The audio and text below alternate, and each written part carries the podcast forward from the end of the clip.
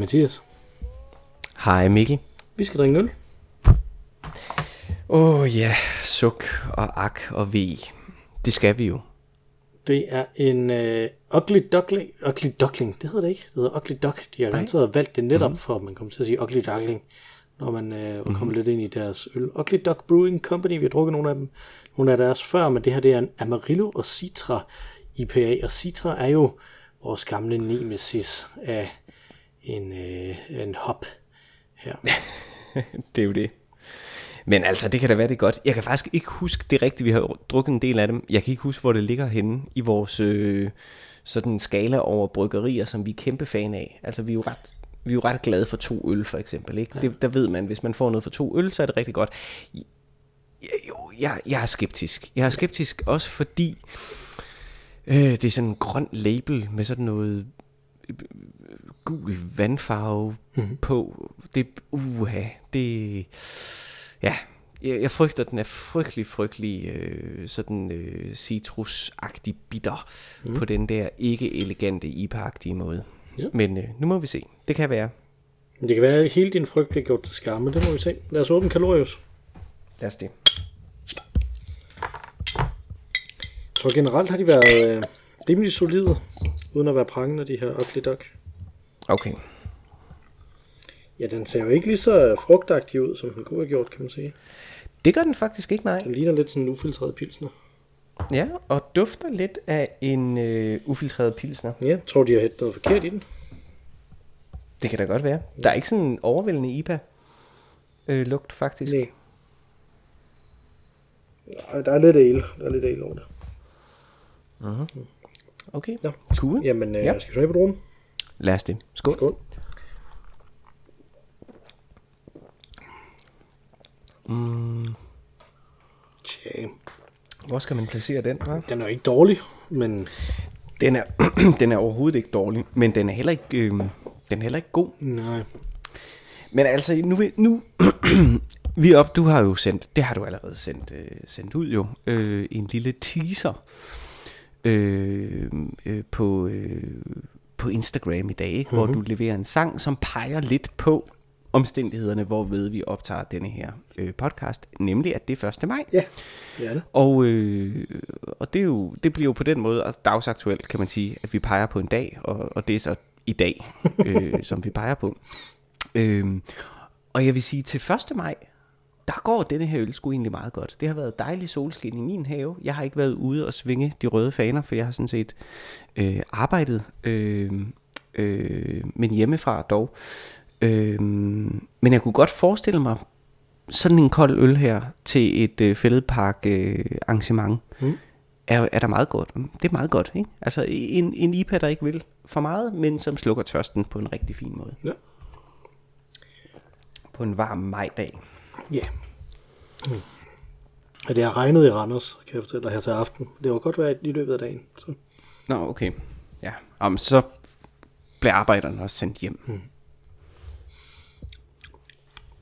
Ja, for det, der er mange steder, hvor det sådan, ting rent faktisk er lukket og sådan noget, ikke? Det, øh, ja, ja, men øh, altså, øh, der over for os er der vejarbejde.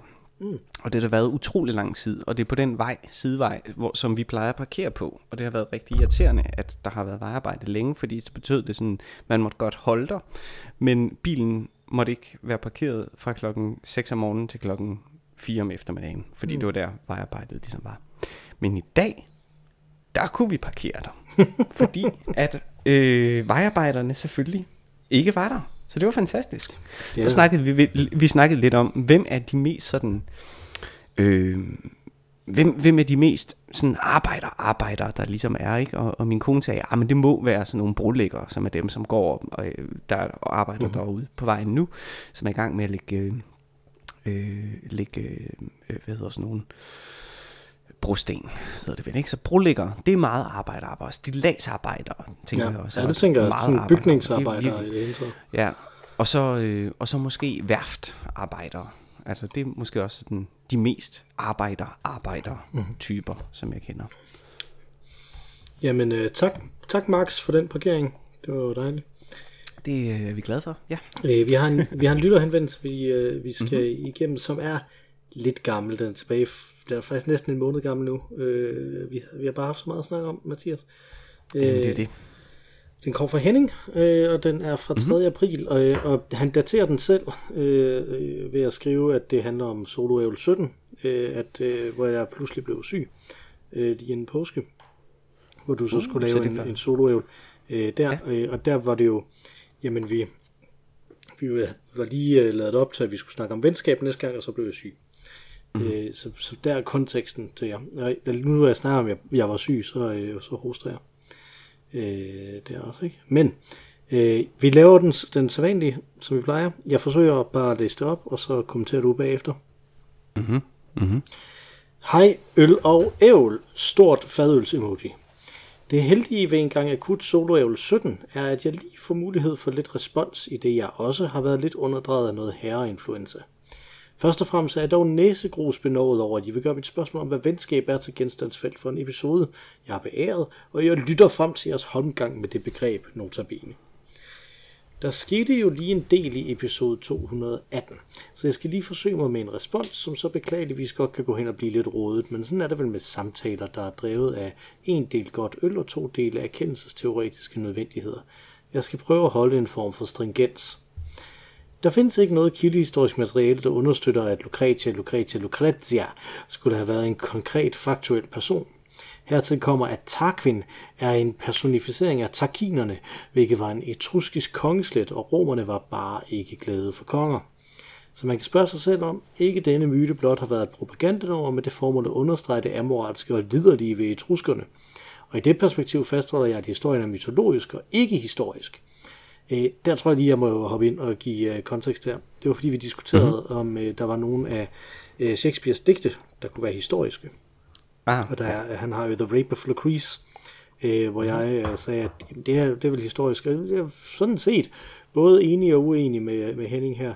Øh, forstået på den måde, at øh, hvis vi kigger på det nu, øh, er jeg helt enig i, at historien er mytologisk og ikke historisk. Men sådan tror jeg ikke, det var for Shakespeare. Der tror jeg, at historien var historisk.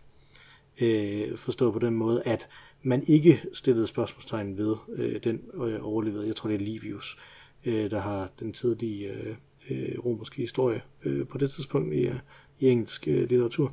Så der tror jeg, man har tænkt, det var historie. Og det er jo sådan en ting, som man også skal huske på, når man kigger tilbage i historien, at ting, som vi mener er myter, som formodentlig har været myter og ikke har været historisk korrekte, blev opfattet mm-hmm. som rent faktisk historisk korrekte øh, tidligere. Mm-hmm. Ikke? Så, så på den måde kan man sige, at Shakespeare vel selv har troet, at det var historisk. Men krøllen på halen er jo, at det ikke er Shakespeare selv, der har sagt, der har puttet de her øh, digte ind under de historiske, øh, som jo var det, der var, øh, der var øh, den måben Henning havde øh, over, at, det, at i den, øh, i den øh, sammenhæng med de, øh, med Shakespeare samlede værker, at øh, den, de så skulle stå under historisk, de her digte. Øh, så mm. øh, og det ville undre mig meget, at Henning skulle være stødt på en øh, udgave af Shakespeare fra et tidspunkt, hvor man ikke mente, at det her var mytologisk. Øh, det vil være ret tilfældigt, ikke? Altså, der, skulle, der skal man nok ret langt tilbage. Det er nok sådan en præ, øh, præ-oplysningstids edition, hvis det skulle være. Ja. Så ja. jeg sad og bladrede igennem det første folie. Ja, men og der er digtene jo ikke inkluderet. Nej, det er de ikke. Nej, så, øh, så det, men det, var, det ville nok være det bedste bud, ja. Mm. Første folie ville nok være der, hvor det ligesom var muligt. Godt. Tilbage til Hennings mail. Mm-hmm. Da jeg nævnte kongens fald i forbindelse med Wheel of Fortune, tænkte jeg faktisk ikke på Christian den anden. Jeg tænkte på Mikkel Tøgersen, og så er der et billede her. Du sagde, at det var et billede af Johannes V. Jensen. Nej, nej, nej, nej. Jeg sagde, at øh, her er et billede, øh, og så står der nedenunder Johannes V. Jensen. Ja. Øh, det er jo det klassiske billede fra kongens fald, ikke? hvor at kongen går rundt og borer sine fingre ned i bordet, så der kommer en rille, og Mikkel han står om bagved og holder stolen ud for kongen. Mm-hmm. Og øh, det ligner jo den Mikkel, du kender der på det billede, kan man sige. Så. Øh, jeg bortset fra, at sidst jeg så et billede af dig, der var du jo blevet øh, barberet. Ja, jamen det var jeg også. Nu er jeg tilbage igen. Og sådan kan det jo gå, ja. Sådan er det. Mm. Ja. Øh, Henning fortsætter. Johannes V. Jensen udstiller godt nok kongens ubeslutsomhed i forhold til overfarten, som vores Mikkel nævner. men der er ikke så meget ubeslutsomhed involveret i det stokholmske blodbad. Af med knuppen, sagde hjerterdame. Forfatter Jensen anfører så, at kongen mistede magten i det øjeblik, han brugte den, og den betragtning kan jeg godt se nogle perspektiver i, men vi skal videre. Jeg er ikke overbevist om, at Slyk kan være stand-in for Heidegger, men det er så også koblet sammen med, at jeg er blevet belært om, at Løstrup skulle være tolkeren af Immanuel Kants kategoriske imperativ. For det første køber jeg ikke præmissen, og for det andet vil jeg ikke have at vide, hvad jeg skal mene. Det klarer jeg selv. Og når vi nu er på det lag, Wittgensteins stringent formelle logik er ikke for børn. Smiley, der griner meget vanvittigt. Det centrale er, at man ikke kan bringe en holdning, en mening, et standpunkt, en opfattelse ind i djævelskabet. Det er som her lades alt håb ude, for det drejer sig om noget basalt logisk. Det er mental aerobic, men det har ikke noget at gøre med hverken ethos eller pathos, kun logos, og det er der, man begynder at sulte. Så jeg er helt med på Mikkels afstående. Men Mikkel, det er ikke fordi Wittgenstein er klogere end du er, det er fordi din eksistens slet ikke, slet ikke er med i hans system. Hvilket bringer mig til, i var inde på noget med er og findes, det var vist solipsisten, der talte, og så var der noget med at opfatte og begribe. Jeg er ikke så hardcore fysikalist, at alt partout skal forklares materialistisk, men jeg værner om en opfattelse af, at, de, øh, at det at opfatte og begribe i pædagogisk sammenhæng involverer eller omfatter, at omverdens forståelse består i at have fysisk kontakt. Helt konkret at gribe om og fatte op. Det faktile er, ja, det taktile selvfølgelig. Det taktile er sansningen af det værende. Og vi er tilbage ikke hos Heidegger, men hos Marx og Engels. Men det, og det var jo smukt at så øh, læse det det 1. maj, hvis Præcis. man her vælger at inkludere Marx og Engels. Mm. Ja. Men det er en anden snak. Nå, no, okay. Afslutningsvis, hvis man kan overbevise Flemming Jensen om, at det er en god idé, så er jeg sikker på, at han er i stand til at spille en gennemført modbydelig karakter. Så jeg er med på den, Mathias. Smiley, der griner. Det lyder godt. Det lyder godt. Du har i hvert fald et publikum der, Mathias. Fedt. Hen, ja. Henning afslutter. Nå ja, jeg glemte lige, og jeg skrev, at det blev rådet. Der er afgjort potentiale i at indføre lingvistik og etymologi i dansk fag i folkeskolen, man er dansk lærer, og legitimeringen kan vel hentes i, at vi har en verdensberømt dansker i den kategori, Rasmus Rask. Det var vist det. Smiley med solbriller. Bedste hilsner, Henning. Fedt. Jamen tak for det. Har du nogle kommentarer? Øhm... Udover det, vi tog løbende. Udover det, vi tog løbende, og, og vi har jo også rykket, vi har jo rørt lidt ved, ved, ved noget af, af det øh, siden. Jeg har tænkt en hel del over denne her øh, skældning mellem er og findes, mm-hmm. øh, og synes jo i virkeligheden ikke, det er særlig langt fra, øh, øh, hvad skal man sige, sådan almindelig idélærer. Mm. Øh, og jeg tror, vi var lidt inde på det også. Øh, også fordi, at jeg ligesom søgte den etymologiske råd i eksisterer. Mm-hmm. Øh, og det betyder at træde frem. Ja. Øh, så jeg er enig i, når man oversætter Inger Christensen, det var jo det, det udsprang fra, når man oversætter øh, Inger Christensen til aprikos, aprikostræerne findes, øh, er øh, øh, det er ordet exist, man bruger. Øh, og det er jo en logisk oversættelse, kan man sige. Fordi der er en forskel på, øh, at noget findes eller øh, gøres til genstand for en øh, mulig den mulighed, at man kan finde den, ikke eller øh, at det fremtræder i verden.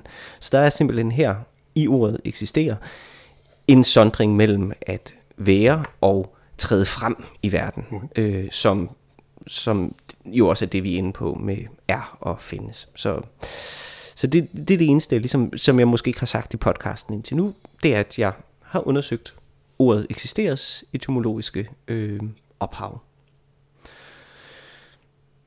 Oui. Ja. Men tak Henning, det var dejligt. Tak, tak. Øh, så vil jeg lige hurtigt indskyde, at det måske ikke er fordi, at Wittgenstein er klogere end jeg er, øh, at øh, der ligesom er det her, det her problem i hans tidlige filosofi. Men, øh, øh, men han er klogere end jeg er, eller var klogere end jeg er. Så, så er det på plads. øh, jeg var også under, tror jeg, i ordentligt øh, det, men øh, sådan, er det jo, sådan er der jo så meget. Du gør dit bedste, Mikkel. Du, du prøver. Ja, jeg prøver at være lidt under imellem.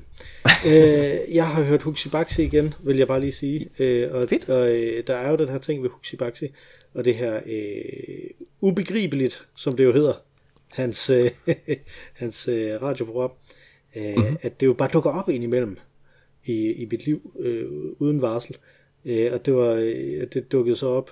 Øh, som en gammel ekskæreste. Sådan det. som, som også har glemt, at jeg eksisterer.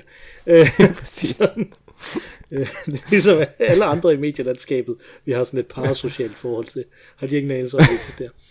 Øh, Nej. Nå, men det jeg vil sige er, at øh, øh, han, han dukkede op øh, på, sin, øh, på sit, sit punkt i sendeplanen, så der kunne jeg jo bare øh, ligesom have vidst det, men han dukkede så også op, efter jeg var færdig med at høre en, øh, en podcast, en idé Lyd her til aften, øh, så dukkede mm-hmm. det samme afsnit op.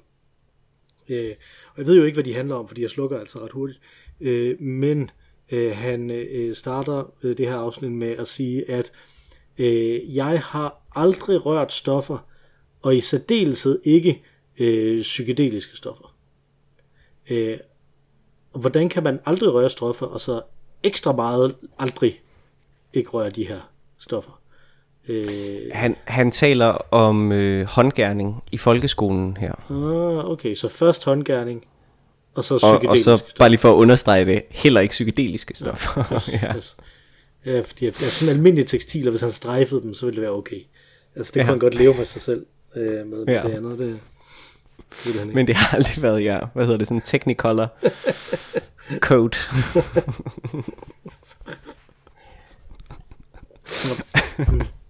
Jeg har jo annonceret et emne til dig på sms øh, inden, mm-hmm. øh, inden her, øh, og det er, det er øh, sådan som jeg skrev det til dig, så var det, hvad er forskellen på øh, retfærdighed i et, juridisk og et moralsk perspektiv?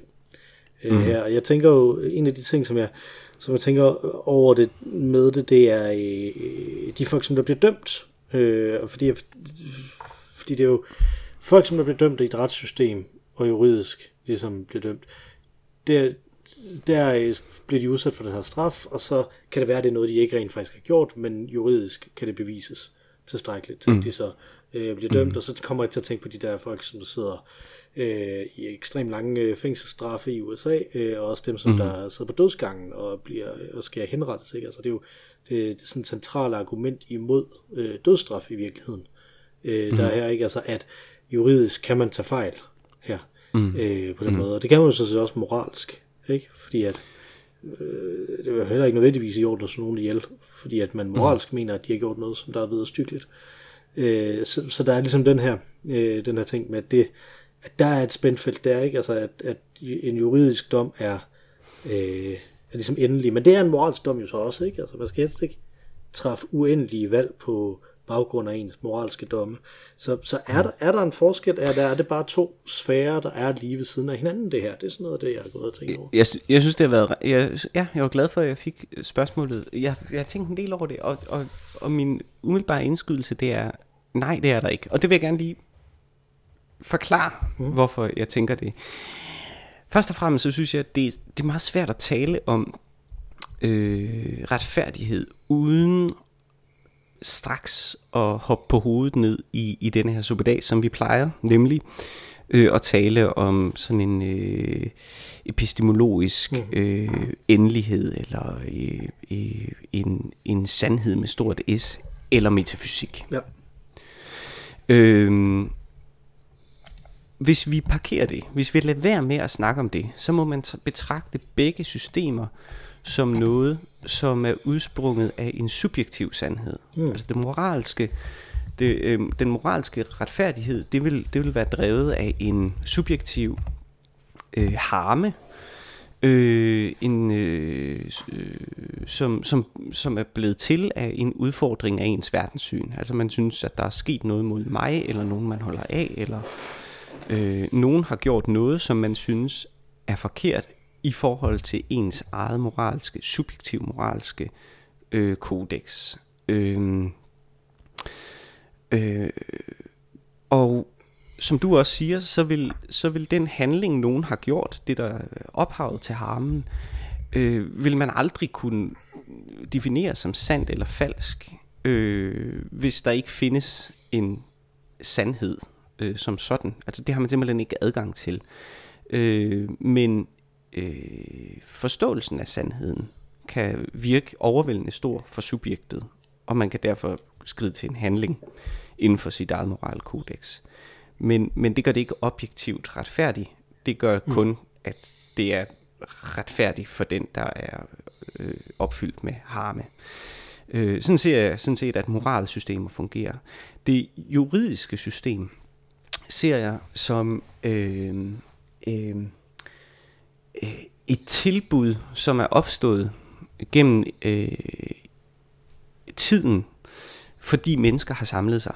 Sådan at vi ikke alle sammen skal gå rundt og øh, føre moralske domme, så laver man, øh, hvad skal man sige, en eller anden konsensus-tænkning, hvor øh, mængden af øh, moralske øh, domme øh, ligesom bliver til øh, en, en ny norm. Mm. Altså hvis 10 mennesker føler, at det her er moralsk forkert, jamen så er det tilstrækkelig øh, mængde mennesker til, at vi som samfund, som helhed, vil sige, at det er moralsk forkert. Men det er altid defineret den gruppe subjekter, som, øh, som oplever harme.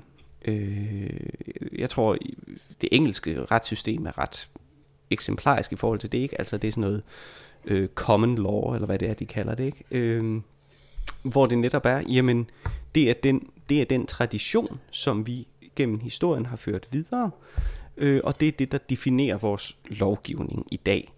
Øh, mm. Lande, der har forfatninger, øh, er sådan set ikke meget anderledes. Der har man jo også sådan, det er jo sådan by øh, try and error, ikke? Altså man prøver domme af, finder man ud af, at der ikke er en opbakning i de domme, jamen så laves de jo om.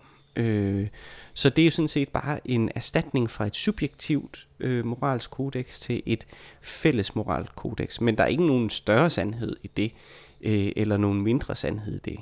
Øh, Altså, så, men... så på den måde synes jeg sådan set, at de ligner hinanden fuldstændig.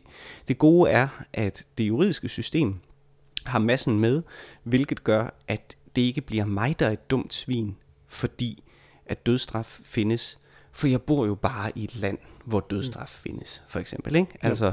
Så man kan sige, øh, jeg kan på en eller anden måde holde min dør renere øh, i et samfund, hvor at der er et juridisk system, som tager sig af den slags. Mm. Men, men i virkeligheden er det jo bare øh, et armslængde princip.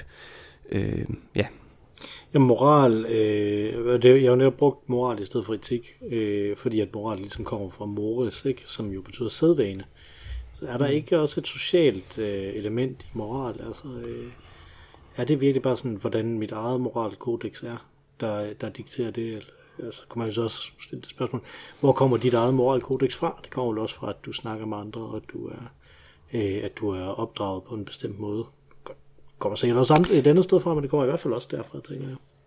Jo, jo, altså det, og det er jo helt enig i, specielt hvis vi er enige om her at parkere metafysikken og så videre, mm-hmm. øh, i den her diskussion, så er det jo ud fra sædvane, altså det er ud fra øh, de koder, som jeg omgiver mig med. Øh, det her er jo altså det er jo virkelig en forlængelse af alt, hvad vi har snakket om før. Mm. Øh, det er det. Øh, fordi jeg havde jo på et tidspunkt en, en diskussion kørende med dig også på sms ved siden af podcasten, hvor vi talte om, om man kan være moralsk, hvis man er alene i verden. Mm. Og hvor du sagde, jamen dit argument, Mathias, det fordrer sådan set, et, det argument, jeg havde på det tidspunkt til et eller andet, det fordrer sådan set, at du er alene. Hvordan kan du tillade dig at være et moralsk menneske?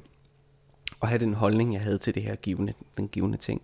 Og hvor at mit svar jo netop er, var, kan jeg huske, jamen, øh, mængden af, øh, af fortællinger, vi giver hinanden, altså mængden af, øh, hvad skal man sige, øh, sædvaner, mm. tradition, vi overleverer til hinanden, det er det, som også skaber vores moral ned igennem øh, historien og ud i fremtiden. Ikke? Altså, jeg øh, har lært nogle ting af mine forældre, plus alle de film, plus alle de bøger, plus alle den musik, plus alle de mennesker, jeg har omgået osv. osv.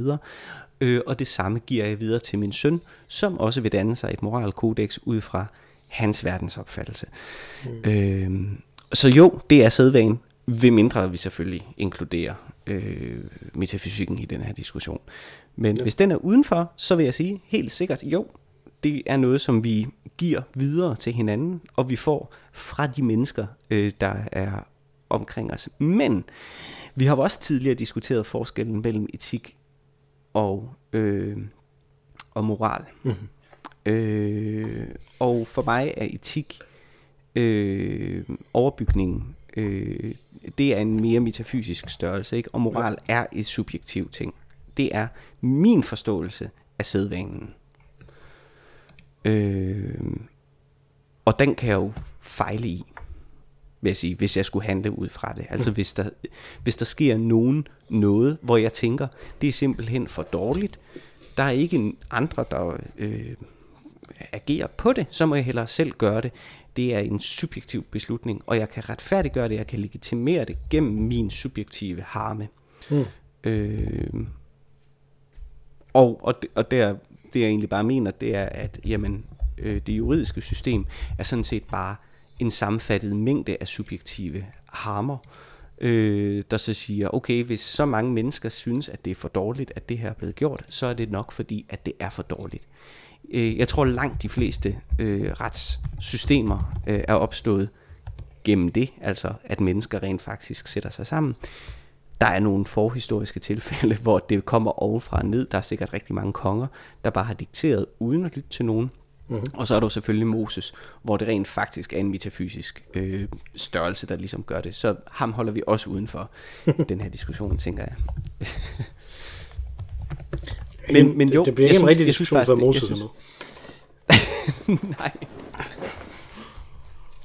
Øh, men hvad tænker du da? Jamen, nej, men jeg tænkte, øh, men, men, men hvis det er en sædvane, som der også opstår fra andre steder, både moral og, og, og juridisk, altså hvad, hvad er forskellen så? Fordi jeg tænker jo lidt, at, det, at forskellen er, at du ikke er forpligtet af, altså når du, når du agerer moralsk, så er det meget sjældent, at du har skrevet en bog om, hvad dit moralkodex er, ikke? Altså det er meget sjældent, at du har skrevet mm. noget op på den måde, mm. men, men vi laver ligesom øh, i ordets sådan mest bogstavelige forstand øh, en objektiv standard, når vi snakker om, øh, øh, om jura, fordi at vi som tager noget, som vi diskuterer om, jamen det her det er det, man må, det man ikke må, det er vi enige om, mm-hmm. så skriver vi det ned, mm-hmm. og så kan vi alle sammen kigge på det, så det bliver et objekt, mm-hmm.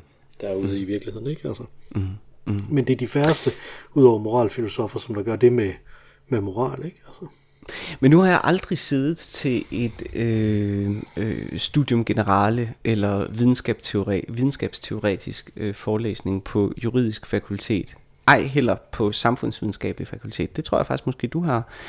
Men, men jeg tænker, at de må være lige så, øh, øh, hvad skal man sige, fluffy øh, som de humanior, øh, humaniorernes øh, øh, videnskabsteori, ikke? som jo er baseret på en idé om, at hvis der er nok mennesker, der er enige om noget, så er det det, vi accepterer som værende sandhed. Der er rigtig, rigtig meget øh, videnskabsteori, på humaniora i hvert fald, som drejer sig om henvisninger og øh, troværdige henvisninger. Ikke? Mm-hmm. Det er ikke matematik, det er ikke fysik, det er ikke biologi, det vi beskæftiger os med.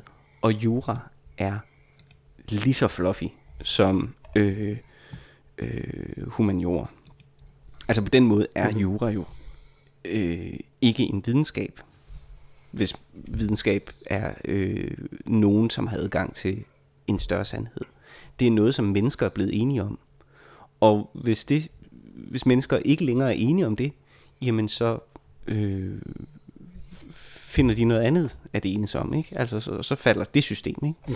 Det er ligesom penge, eller Wittgenstein, eller hvem, hvem det nu vil være, ikke? Altså, mm-hmm. så længe vi er enige om, at, at øh, det her, det er en, en rigtig tænkning, jamen så er det fint, men, men, men det er ikke en videnskab.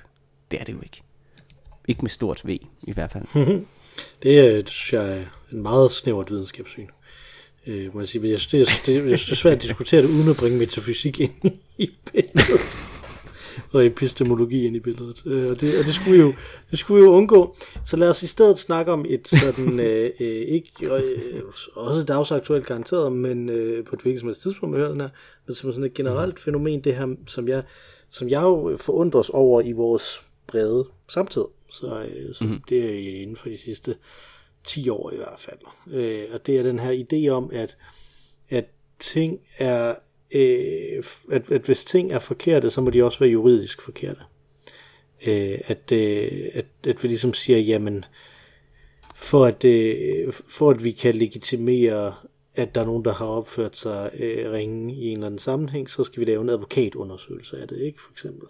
At det, mm-hmm. at det, blev, mm-hmm. det er ligesom blevet sat i gang, ikke? Og, og vi har haft de, alle de her forskellige skandaler, som der ikke rigtig er ordentlige skandaler, medmindre der er en rigsretssag sat sammen med dem. Mm. Ikke? Altså, der skal ligesom være et juridisk øh, opgør øh, bagefter. Man kan ikke bare have fucket op, og så var det skidt øh, mm. mere. Altså, der skal ligesom, altså, jeg synes, det er som om, at noget af vores moralske forarvelse udlever vi igennem jura øh, i de her øh, i de her år. Ikke? Altså, øh, er det noget, du kan genkende? Øh, synes du, det er problematisk?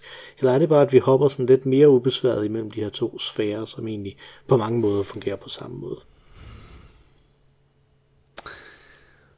Hmm.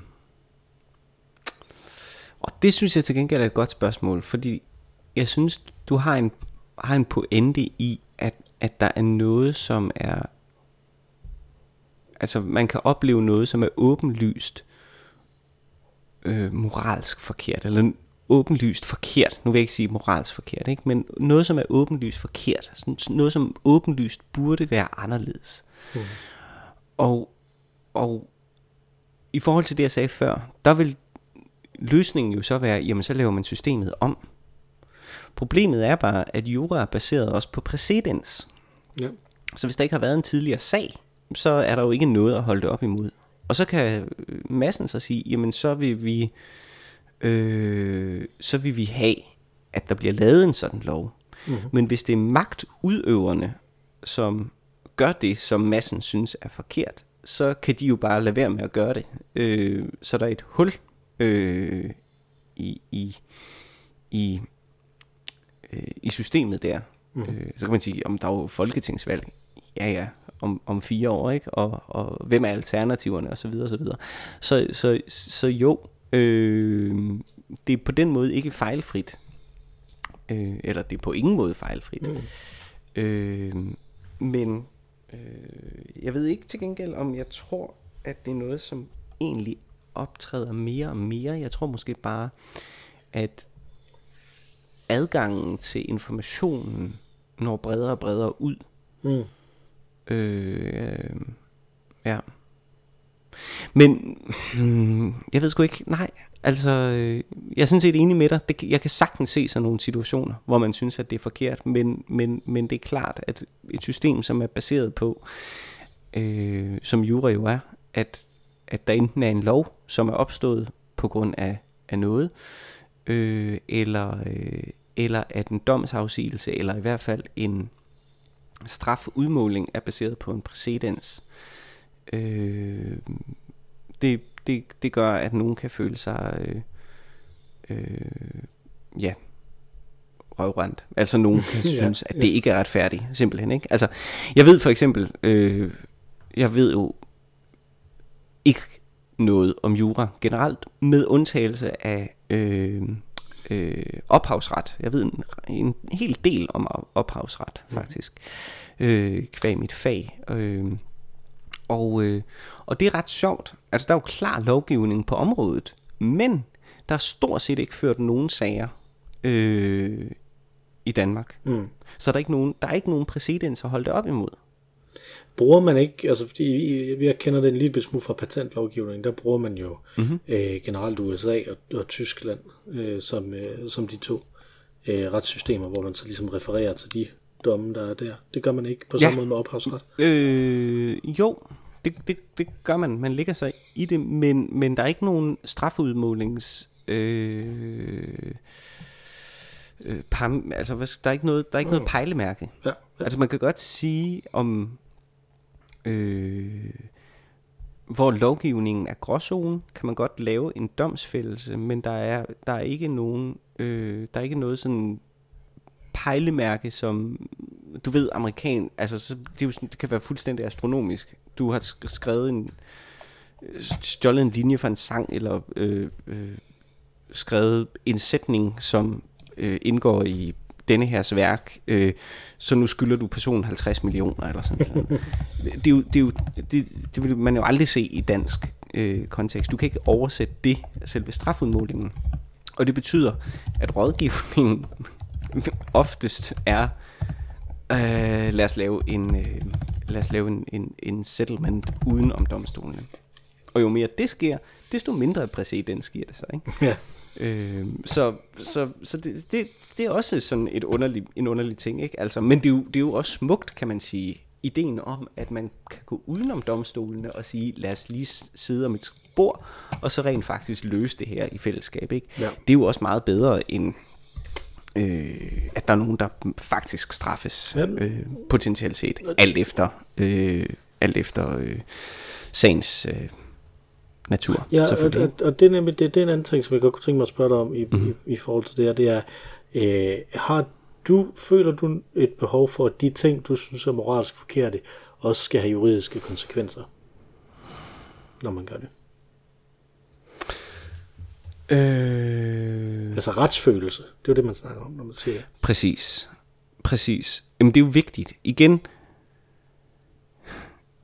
det er jo, som jeg startede med at sige, jeg synes jo, det er et system, som er baseret på, eller som kun sådan set står på en tillid til systemet. Mm-hmm. Det eksisterer kun så længe, at massen har tillid til det system. Øh, vi kunne godt afvise systemet fuldstændigt, hvis vi alle sammen var enige om det. Så vil der være øh, kaos, øh, men der vil ikke være noget, som kunne øh, legitimere, at det blev opretholdt, hvis, hvis, hvis der ikke var enighed om, at det blev opretholdt. Mm. Og en af de måder, det opretholdes på, det er ved, at der er en, tror jeg, at der er en logik mellem øh, den givende amoralske handling og den domsfældelse, som så finder sted. Ja. Både om det selvfølgelig er, om, om man er skyldig i tingen, altså om, om tingen er juridisk forkert, men også straffeudmålingen selvfølgelig. Altså hvis det er en, en, en alvorlig sag, og i min verden er de alvorligste sager, det er jo sådan noget, hvor at man, øh, man tager noget fra andre menneskers væren, altså mm-hmm. deres liv for eksempel, eller øh, en voldtægt, eller noget af den stil. Ikke? Det, det, det er noget af det mest grusomme, jeg kan forestille mig. Øh, nogle sådan sager øh, vil i min verden kræve en meget alvorlig øh, straf. Øh, og derfor øh, har jeg det svært med, at man i Danmark øh, historisk set jo øh, straffer økonomisk kriminalitet utrolig hårdt i forhold til for eksempel mm. øh, volds- og voldtægtssager. Ja. Og det er der selvfølgelig en god grund til, som jeg sådan set godt objektivt kan forstå, nemlig at det ene er et angreb mod samfundet, og vi ved jo alle sammen fra Machiavelli, at det vigtigste det er en stabilitet i, i, staten, øh, hvor det andet er øh, et angreb mod individet. Og et angreb mod individet er mindre vigtigt for samfundet, end et angreb mod samfundet er for samfundet. Der er vel også, øh, der er vel også det argument, at den ene type, altså den øh, sådan økonomisk øh, forbrydelse, er, er jo noget, som der typisk er overvejet og planlagt, hvor det typisk ikke er overvejet og planlagt med, med voldsforbrydelser af forskellige art. Altså. Øh, Nej. Altså typisk, det, er, det ved jeg godt, det, det er sådan mest typisk. spektakulære af de her voldsforbrydelser, som vi det, hører om, er, er jo selvfølgelig planlagt, ikke? Men, men jo, jo, typisk jo, jo. er de. Ja, men typisk, jo jo, jo selvfølgelig. Det, det er sjældent, at man hører om en uaksom økonomisk kriminalitetsdom, for eksempel. det, altså, så skal man være partileder eller sådan noget. Nå, øhm, ja, lige præcis. så kommer vi, ikke, så vi kommer ikke tættere på dagsaktualiteten der. Nej, øh, det, det må man selv slå op. Øh, jeg øh, vil gerne runde en sidste ting, i forlængelse af mm-hmm. det, du siger, du, du siger, du har også, at, at strafudmålingen ligesom også er med i det, i det her. Mm-hmm. Ikke? Altså, jeg, og inde i mit hoved, der var, der, det jeg spurgte efter, det var øh, min øh, trang til, når øh, jeg øh, kører ud på landevejen, og der øh, så kommer en knallert, som jeg skal overhale, så jeg tænkte, hvorfor forbyder vi ikke alle knaller der? Øh, det var egentlig sådan det, jeg sigtede til. Men du, var, du tog det meget seriøst, det var meget fint. Øh, at, men, men, men så strafudmålingen her, og, og det kolliderer jo øh, med kriminologernes øh, forskning, som jo viser, at strengere straffe ikke sørger for, at folk de ikke begår de her ting, så er det rent et, jamen der skal være en eller anden form for kosmisk balance. I, er det retfærdigheden der? At du har gjort nej, noget, der er så det, slemt, så skal der gøres noget slemt mod dig? Jamen nej, fordi det sjove er, fordi det er jo det, der er kriminologernes diskussion. Og jeg forstår det godt, fordi de er meget klogere på deres område, end jeg er. Og jeg kan sagtens se, det giver ingen mening, hvis man kan gøre folk, øh, øh, hvad skal man sige, få dem tilbage på det rette spor, og sende dem ud i samfundet igen, og de kan bidrage til samfundet osv. Min pointe er bare, at selve retssystemet baseres på en tillid fra de retskaffende. Øh, en tillid mellem øh, de retskaffende og øh, retssystemet om, at det, øh, hvad skal man sige, hvis, hvis man gør noget forkert, så får man også som fortjent. Og hvis man ikke får som fortjent, altså hvis man ikke får som øh, folket, de retskafte, gerne vil have, hvis de oplever, at den dømte ikke får som fortjent, så giver det en mistillid til systemet. Og systemet er øh, ligesom penge en ekstrem skrøbelig øh, illusionsinstitution, mm-hmm. som kan falde sammen når som helst. Den findes kun fordi vi er enige om, at den findes. Mm. Øh, jeg kan som sagt virkelig godt se pointen i, hvis du har lagt alt bag dig, hvis du fortryder alt i hele verden, jamen så kan du sagtens komme tilbage til samfundet og blive en god borger. Men hvis folk, hvis dem, der ligesom er dem, der er fundamentet for systemet, synes, at det er forkert, så må man også øh, lytte til det. Det mener jeg faktisk. Og det er ikke fordi, jeg går ind for, at vi skal have strengere straffe. Jeg synes egentlig, at vi har glimrende straffe i Danmark. Jeg synes, det er meget fornuftigt for eksempel, at der efter øh, 12-16 år øh, gives en revurdering øh, ved livstidsdommen for eksempel. Ikke? Mm-hmm. 16 år i fængsel, det er også rigtig, rigtig lang tid. Og at personen ikke øh, ændret, viser personen ingen anger eller så videre, så er en livstidsdom stadig en livstidsdom i Danmark. Øh, det glemmer man en gang imellem. Men det, det, det, det, det synes jeg er et, et sundt og et godt system.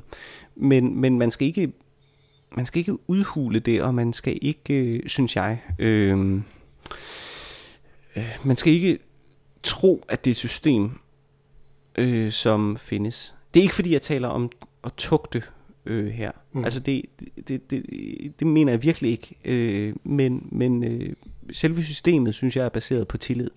Og hvis der ikke er en, hvis der ikke er en øh, forenlighed mellem øh, hvad de øh, retskaffende borgere øh, oplever øh, forbrydelsens grovhed som, og den straf, der gives, øh, så er der et problem, synes jeg.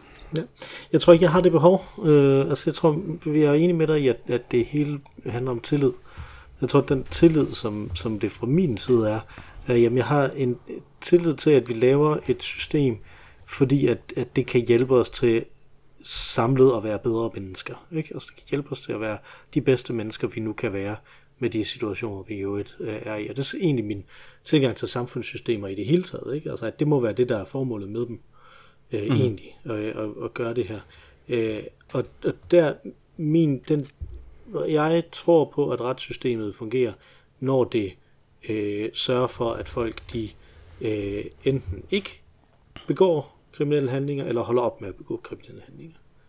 Øh, og, og, og den måde, man får folk til at holde op med at begå kriminelle handlinger på, skal helst være en måde, der ikke komplet ødelægger de her mennesker, der har begået handlingernes liv os, øh, fordi der allerede er ødelagt nok. Og sådan har, jeg tror måske, jeg har det liggende med alle de her samfundssystemer i det hele taget. Jeg synes, at, at verden i sig selv ødelægger nok. Samfundssystemerne skal ikke yderligere ødelægge ting. Øh, og, og der tror jeg, at min, at, at jeg, jeg synes, for mig er, er, er retssamfundet et velfungerende retssamfund, for så vidt som det øh, rehabiliterer dem, som der er kommet ud i en livssituation, hvor de begår kriminalitet, og for så vidt som det holder så mange som muligt fra at begå kriminalitet. At det, er, at det må være øh, øh, formålet med det. Jeg er fuldstændig, jeg køber, jeg, jeg ved ikke, om jeg køber dit argument, men jeg kan sagtens se dit argument. Det er ikke, det er jeg, jeg er bare personligt uenig i, altså, i det, og så tænker jeg, så det der må til, fordi jeg er jo en god uh, liberal guy, så synes jeg jo, at så må de andre jo lære, hvordan det egentlig rent faktisk hænger sammen. Ikke? altså, så må og de det synes jeg- de men- oplyses, men- men- i stedet for at være optændt af den her øh, samfund, Men- skal administrere min hævn for mig. Men, og det synes jeg netop er rigtig, rigtig fint, fordi jeg er sådan set, jeg er også sådan, ej, men det har du også ret i, det har du nemlig ret i, ikke? Problemet er bare, min pointe er, det er, det er, hvad skal man sige, det er befolkningens samlede behov, moralske øh, øh, behov, som er det, der definerer, hvad, øh, om det skal være sådan en, en tugteagtig version af et retssystem, som vi har, som, som det jeg præsenterede, eller om det netop skal være, som du præsenterer det. Så hvis der er en bred enighed om det, du siger, så er jeg sådan set med. Det vigtige er, at det er, den, det er flertallet, der definerer det. Det er det, der er min pointe, mm. sådan set. Så gennem oplysning, ligesom at vi ikke har sådan et øje for øje, tand for tand princip i dag, det er fordi, vi har udviklet os. Øh, ligesådan, eller lige så vel kan vi jo godt havne i en situation, forhåbentlig, i fremtiden, som har, øh, øh, øh, som har et, et retssystem, som er designet på den måde, som du siger det. Men det er det kun, hvis der er en bred enighed i befolkningen. Mm. Det kan ikke komme op fra. Der kan ikke være didaktisk. Det kan ikke være nogen, der siger, nogle kloge politikere, øh, politikere eller nogle liberale eller barmhjertige, eller hvad det nu vil være politikere, der, eller et øh, retskriminelt råd, øh, med, øh, som siger, jamen det er bedre, at, øh, at de øh, gøres til øh, egnede borgere, og så bringes tilbage til samfundet, og så derigennem har de udtjent deres ret. Hvis det ikke fyldesgør befolkningens retsfølelse, så er det en forkert vej at gå. Men i det øjeblik, med din smukke brandtale, at den her udbredes til hele befolkningen, og alle bliver oplyste og kan se, jo, det er jo det sådan der, et retssystem burde være, øh, jamen så kan det fungere, mm. hvis der er en bred enighed om det. Det er egentlig bare det, der er min pointe. Mm. Fordi jeg synes, det er jo helt rigtigt, det du siger. Det er da en meget bedre samfund, hvor at man kan sige, der er nok, der har lidt. Det hører man jo også tit øh, om folk, øh, offrene i en retssag, siger, der er ikke nogen vinder i den her sag. Øh, på trods af, at der er kommet en eller anden livstidsdom mm. eller en dødsdom, eller hvad det nu vil være. Ikke? De siger, der er ikke nogen, der vinder i den her sag. Øh, så, så det tror jeg på, det kan godt lade sig gøre, men det kræver bare, at alle er enige om, at det er den vej, vi skal gå. Jamen, men, Fordi ellers så er der ikke noget retssystem. men hvordan skal de blive enige om det, hvis, man ikke, hvis der ikke er nogen, der skal sige det? Jo, det skal selvfølgelig siges, men det skal ikke laves, før at der er enighed. Nå, men, Det skal debatteres igen og igen og igen. men, men den, samme, den samme ting ligger jo ikke på den anden side, kan man sige. Altså dem, som der godt vil have strengere straffe, vil jo hele tiden lave strengere straffe. Uden at der er nogen, noget, der tyder på, at det hjælper. Fordi at, at det virker som om, at det hjælper. Og det, Jo, men det dem, hjælper dem. dem, når du siger dem, så taler vi her om politikere, ikke? Jo, jo, og ikke dommere. Ja. ja, lige præcis. Jamen det er jo fordi, at de ser, at der er en tendens i befolkningen til, at det kan betale sig at gå til valg på det. Og så er det jo fordi, befolkningen ikke er klar til det endnu. Hvis der kommer et parti, der siger, at vi vil ikke have strengere straf, vi vil have et, et retssamfund, som er skruet sådan her sammen, og det parti kommer ind og får 72 mandater, og, og alt er godt, jamen så er det jo udtryk for, at der er en lyst i befolkningen til at ændre det. Ja, ja. Det er jo fordi, der er, ikke, der er jo ikke nogen, der går til valg på, vi skal have mildere straffe, eller vi skal tænke retssystemet helt om. Der er nogle partier, der går til valg på, at vi skal have strengere straffe. Øh, og det er der jo nogle mennesker, der stemmer på. Det er der rigtig mange mennesker, der stemmer på. Mm-hmm. Og det er udtryk for, at sådan som, øh, sådan som tilliden til systemet lige nu er skruet sammen, så er der stadig sådan en rest af en øje for øje-agtig mm-hmm. øh, tendens i samfundet. Men det er ikke det samme sådan, tænker jeg, at det skal være sådan om 1000 år, eller om 500 år, eller om mm. 20 år. Men, men øh, jeg har ikke set nogen endnu gå til valg på øh, mildere straffe. Men det kan være, det kommer. Ja, det er rigtigt. Altså, man går jo typisk så til valg på resocialisering i stedet for forebyggelse og sådan nogle ting. Ikke? Det, det tror jeg godt, du kunne finde nogle, at det stod nogle obskure steder i nogle øh, partiprogrammer øh, mm-hmm. ude på venstrefløjen. Ikke? Øh, mm-hmm. Men du har da ret i, at der ikke er nogen, som der har skruet det frem til, at det er vores kongsnummer øh, at, at gå ind for det her øh, på den måde. Øh, Men er det så ikke, men det gør det vel ikke, altså, nu antyder vi metafysikken her til sidst. Mm. Øh, og så må vi se, om vi tager den op på et andet tidspunkt. Ikke? Men, men det, at man ikke kan gå imod befolkningens ønsker i et spørgsmål om retfærdighed, gør det det, vel, gør det, det så egentlig retfærdigt? Fordi at, sådan som du fremstillede det, er der jo ikke nogen stopklods imod folkemord, for eksempel. Det er jo det. Det er jo det, der er problemet, og det er jo derfor, at vi er altid er nødt til at snakke om metafysik. Mm-hmm. Fordi der er jo ting, der er jo ting, som er væsentligt, væsentligt større. Altså det, jeg siger her, det er jo, at alt, hvad... Altså, og nu, vi startede med Moses. En hver diskussion har jo Moses indover, øh, og en hver diskussion har jo også Hitler indover. Ikke? Men alt det, som jeg siger her, legitimerer jo, fordi befolkningen er bag, at noget sådan som nazisme kan komme frem. Ikke? Det er jo mm. det, der er problemet, hvis ikke der findes en øh, metafysisk, eller hvad skal man sige, øh, epistemologisk bundprop, som ligesom siger, der er noget, der er rigtigt, og der mm. er noget, der er forkert. Men hvor kommer det øh, så fra? Hvor skal den komme fra i det her, øh, det her samfund, du har tegnet op? Som jo er vores samfund, var jeg lige ved at sige. Ikke? Jamen det er jo let for mig. Det kan jeg jo sagtens sige. Jeg er jo religiøs. det, det kommer fra metafysikken. Ja. Altså der er noget, der er rigtigt, og der er noget, der er forkert. Det har jeg bare holdt ud af diskussionen, men, men, men, men det er der jo. Ja. Og i mit tilfælde, jamen så kommer det jo fra en, en, en, øh, en øh, fra, fra ja, tro, troen på, øh, at livet er helligt, for eksempel, ikke? Mm. Altså, som jo er, og næstekærlighedsbud og så videre. Øh, Men det kan jeg godt lide, fordi at det viser os jo, hvad dit argument mod dødsstraf er. Livet er helligt. Hvor, ja. Og det cirkler tilbage til mit argument mod dødsstraf. Øh, tidligere. Mm at det, at det er for, det er for øh, endeligt at slå folk ihjel. Altså det er ikke fordi, det er nødvendigvis er forkert at slå folk ihjel, det er bare, hvad hvis du tager fejl? Og så er man et helt andet argument i virkeligheden. ja, jo, ja, det, det kan man sige, og det, og det har du også fuldstændig ret i, altså, og det, det vil være den jorden her. Mm. altså, jeg har det også sådan, der er også ting, som simpelthen er for store til. Hvem er jeg?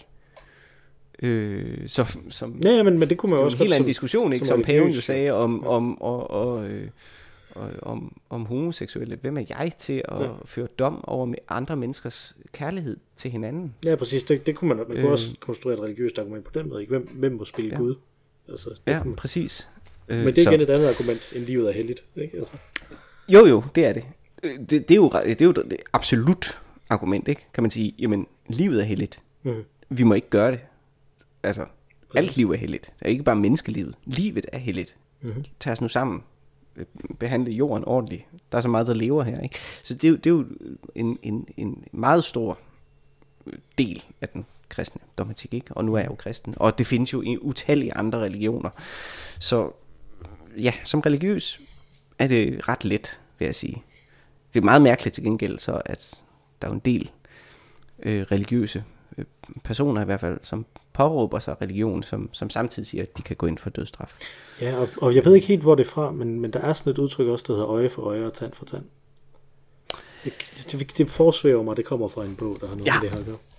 Jeg har aldrig hørt om det. Jeg har aldrig hørt om det. Jeg sagde jo, at vi ikke skulle snakke om... Øh...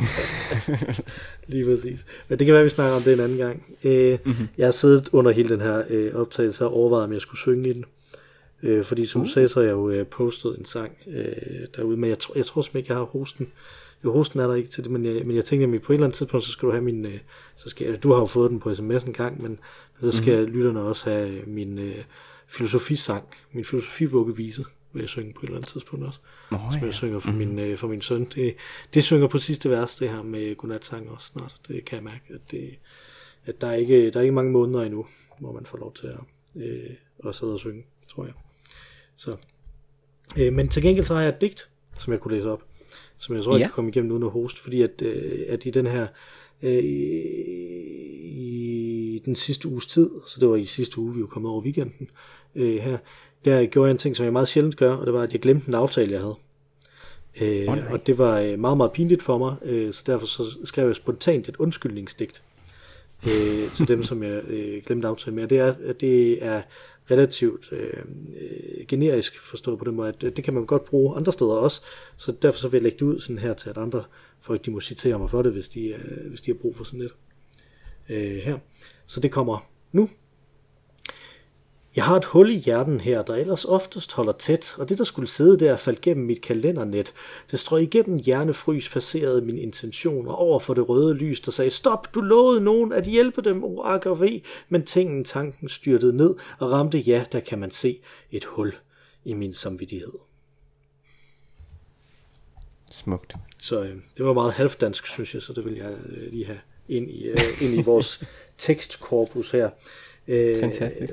Hvad har du tænkt over en øh, ny, noget nyt kunst på gamle kunstner? Jamen, og det, det er så sjovt, du nævner halvdan her, ikke? Fordi det, jeg har tænkt over, helt oprigtigt, ah, men kun siden i dag, hvor jeg læste din øh, 1. Øh, maj øh, sang mm. øh, på Instagram, øh, så kom jeg til at tænke over Torbjørn Ein, Ener, ja. Einer, Egner, øh, som, øh, som vi har hørt rigtig meget herhjemme på det seneste. Mm. Øh, fordi øh, der findes jo en udgave, mystisk lydbogsudgave øh, fra 90'erne, tror jeg det er, med Mick Pick og øh, fantastiske Ove Sprogø, virkelig god. Øh, der er virkelig meget ved den, der er virkelig, virkelig dårlig. Og så kommer jeg til at tænke på ham. Og så kommer jeg til at tænke på dig. Mm. Og problemet ved Torbjørn Ener er, synes jeg, at det er virkelig, virkelig kedeligt. Det er simpelthen så dårligt. Altså det er virkelig, der er så meget af det, som er skønt. Der er jo nogle skønne sange og sådan noget. Men hold kæft, hvor er det dårligt også. Øh, sådan bare fortalt. Øh, der sker jo ikke en skid. Det er ikke spændende. Sådan nogen, der bærer nogle pebernødder. Mm. Okay, så bum, og så videre. Så, så det, jeg godt kunne tænke mig, det var, at du, Mikkel Lodal, simpelthen skrev, genskrev dyrene i Hakkebakkeskoven. Et reboot af Hakkebakkeskoven. Simpelthen. Nej, det synes jeg, det var da skægt, øh, at jeg, at jeg kom med her øh, ind i det. Det, det, vil ja, jeg, ja. det vil jeg overveje. Det var min, okay. Dyrene i Hakkebakkeskoven er min yndlingsbog af Torbjørn Ener, øh, som jeg øh, kunne uden ad i vuggestuen øh, ja. til, til sådan et niveau, at jeg var lige ved at narre mine pædagoger til at tro, at jeg læste det. Øh, Nå, okay. Så jeg simpelthen sad øh, og, og læste det ja. op for, øh, for andre, fordi jeg havde hørt den så mange gange og var så glad for den, så jeg kunne simpelthen, ja. jeg kunne rent faktisk formuleringerne i, i den dengang. Ja. Så det er det første ja. af sådan noget, som jeg, som jeg har kunnet udenad. Øh, og det er ret vildt. Det er ret ja. øh, crazy. Men øh, mm-hmm. alle de her øl har jo gjort, at det ikke er så nemt mere. Men jeg kunne det er det. At huske ja. I gamle dage, når jeg spillede skuespil, så kunne jeg også øh, typisk replikkerne udenad i to-tre år efter. Det er ret underligt. At det bare sådan blev helt... Jamen, det har jeg kun med øh, John Didion's et, år, et år med magisk tænkning. Åh oh ja, det var du den godt kunne også jeg, meget tæt ind i. Den, kunne jeg, den kunne jeg, altså virkelig, det, og det har jeg ikke kunnet med andre skuespil ellers, men lige præcis et år med magisk tænkning af John Didion, mm. den kunne jeg i flere år øh, udenad. Det var ret vildt. Ja. Crazy. Ja. Nå, jeg øh, er et helt andet sted. Det er også børn. Øh, dog, det er i Super Mario-filmen, øh, ja. som jeg har været inde og se sammen med min søn. Det er en ganske udmærket film, hvis man ikke er allergisk over for de her Illumination-film, altså dem, der har lavet øh, Minions og sådan noget. Øh, det, er meget, mm. det er meget i den samme gænge der, men man kan godt mærke, at der også er nogle japanere ind over det. Det bliver lidt mærkeligt indimellem. Øh, men det, som jeg synes, der virkelig var fedt, det var, at de har jo, der, der er jo lavet ny musik til filmen, men de bruger alle de gamle temaer fra øh, de gamle Mario-spil. Øh, så dem sad jeg og kunne høre så i sådan nogle symfoniske udgaver øh, derinde, og det fik mig til at tænke på, at vi har snakket om det før, at det, at det er virkelig underligt, at det ikke er øh, mere brugt som jazz-standarder, mange af de her Super Mario-temaer. Øh, øh Øh, og så har jeg tænkt over, hvilken, øh, hvilken jazzmusiker, hvilken klassisk jazz, jazzmusiker vil være den oplagte til at lave et Super Mario album. Og det tror jeg vil være Duke Ellington. Et uh-huh. øh, Duke Ellington og Antis Band, der spiller øh, sangene fra Super Mario. Det kunne jeg godt se. Øh, det, der er et ret godt match der, øh, synes uh-huh. jeg. Så det, det synes jeg, vi, vi skal hive ud af multiverset, hvis vi kan. Fedt. det vil jeg gerne høre. Har du fået drukket din uh, Amarillo Ancita IPA? Det har jeg. Øh, den var ikke så stor. Den var stærk til gengæld, og øh, den smagte godt. Ja, det synes jeg også. Jeg synes faktisk, den blev bedre og bedre. Den, øh, mm-hmm. Jeg tror, jeg, den er opgraderet til en anbefaling. Ja, det synes jeg, det synes jeg også. Den var faktisk god. Mm. Skriv til os med ris, ros og retelser på ologavl.gmail.com eller inde på Instagram, der hedder vi ologavl, og det er fordi vi er øl og ævl, og ologavl er jo øl og ævl, bare international. Øh, før eller senere kommer vi til alle lytterhenvendelser. Øh, hvis bare I øh, sender dem ind, så skal vi nok komme til dem på et tidspunkt. Beklager, at det lige tog en måned, det her, øh, Henning. Øh, Udover dig og mig, Mathias, så er der også et tredje, absolut bedste medlem af øh, denne podcast. Øh, bluesmusikkens prinsesse Peach, kan man kalde hende.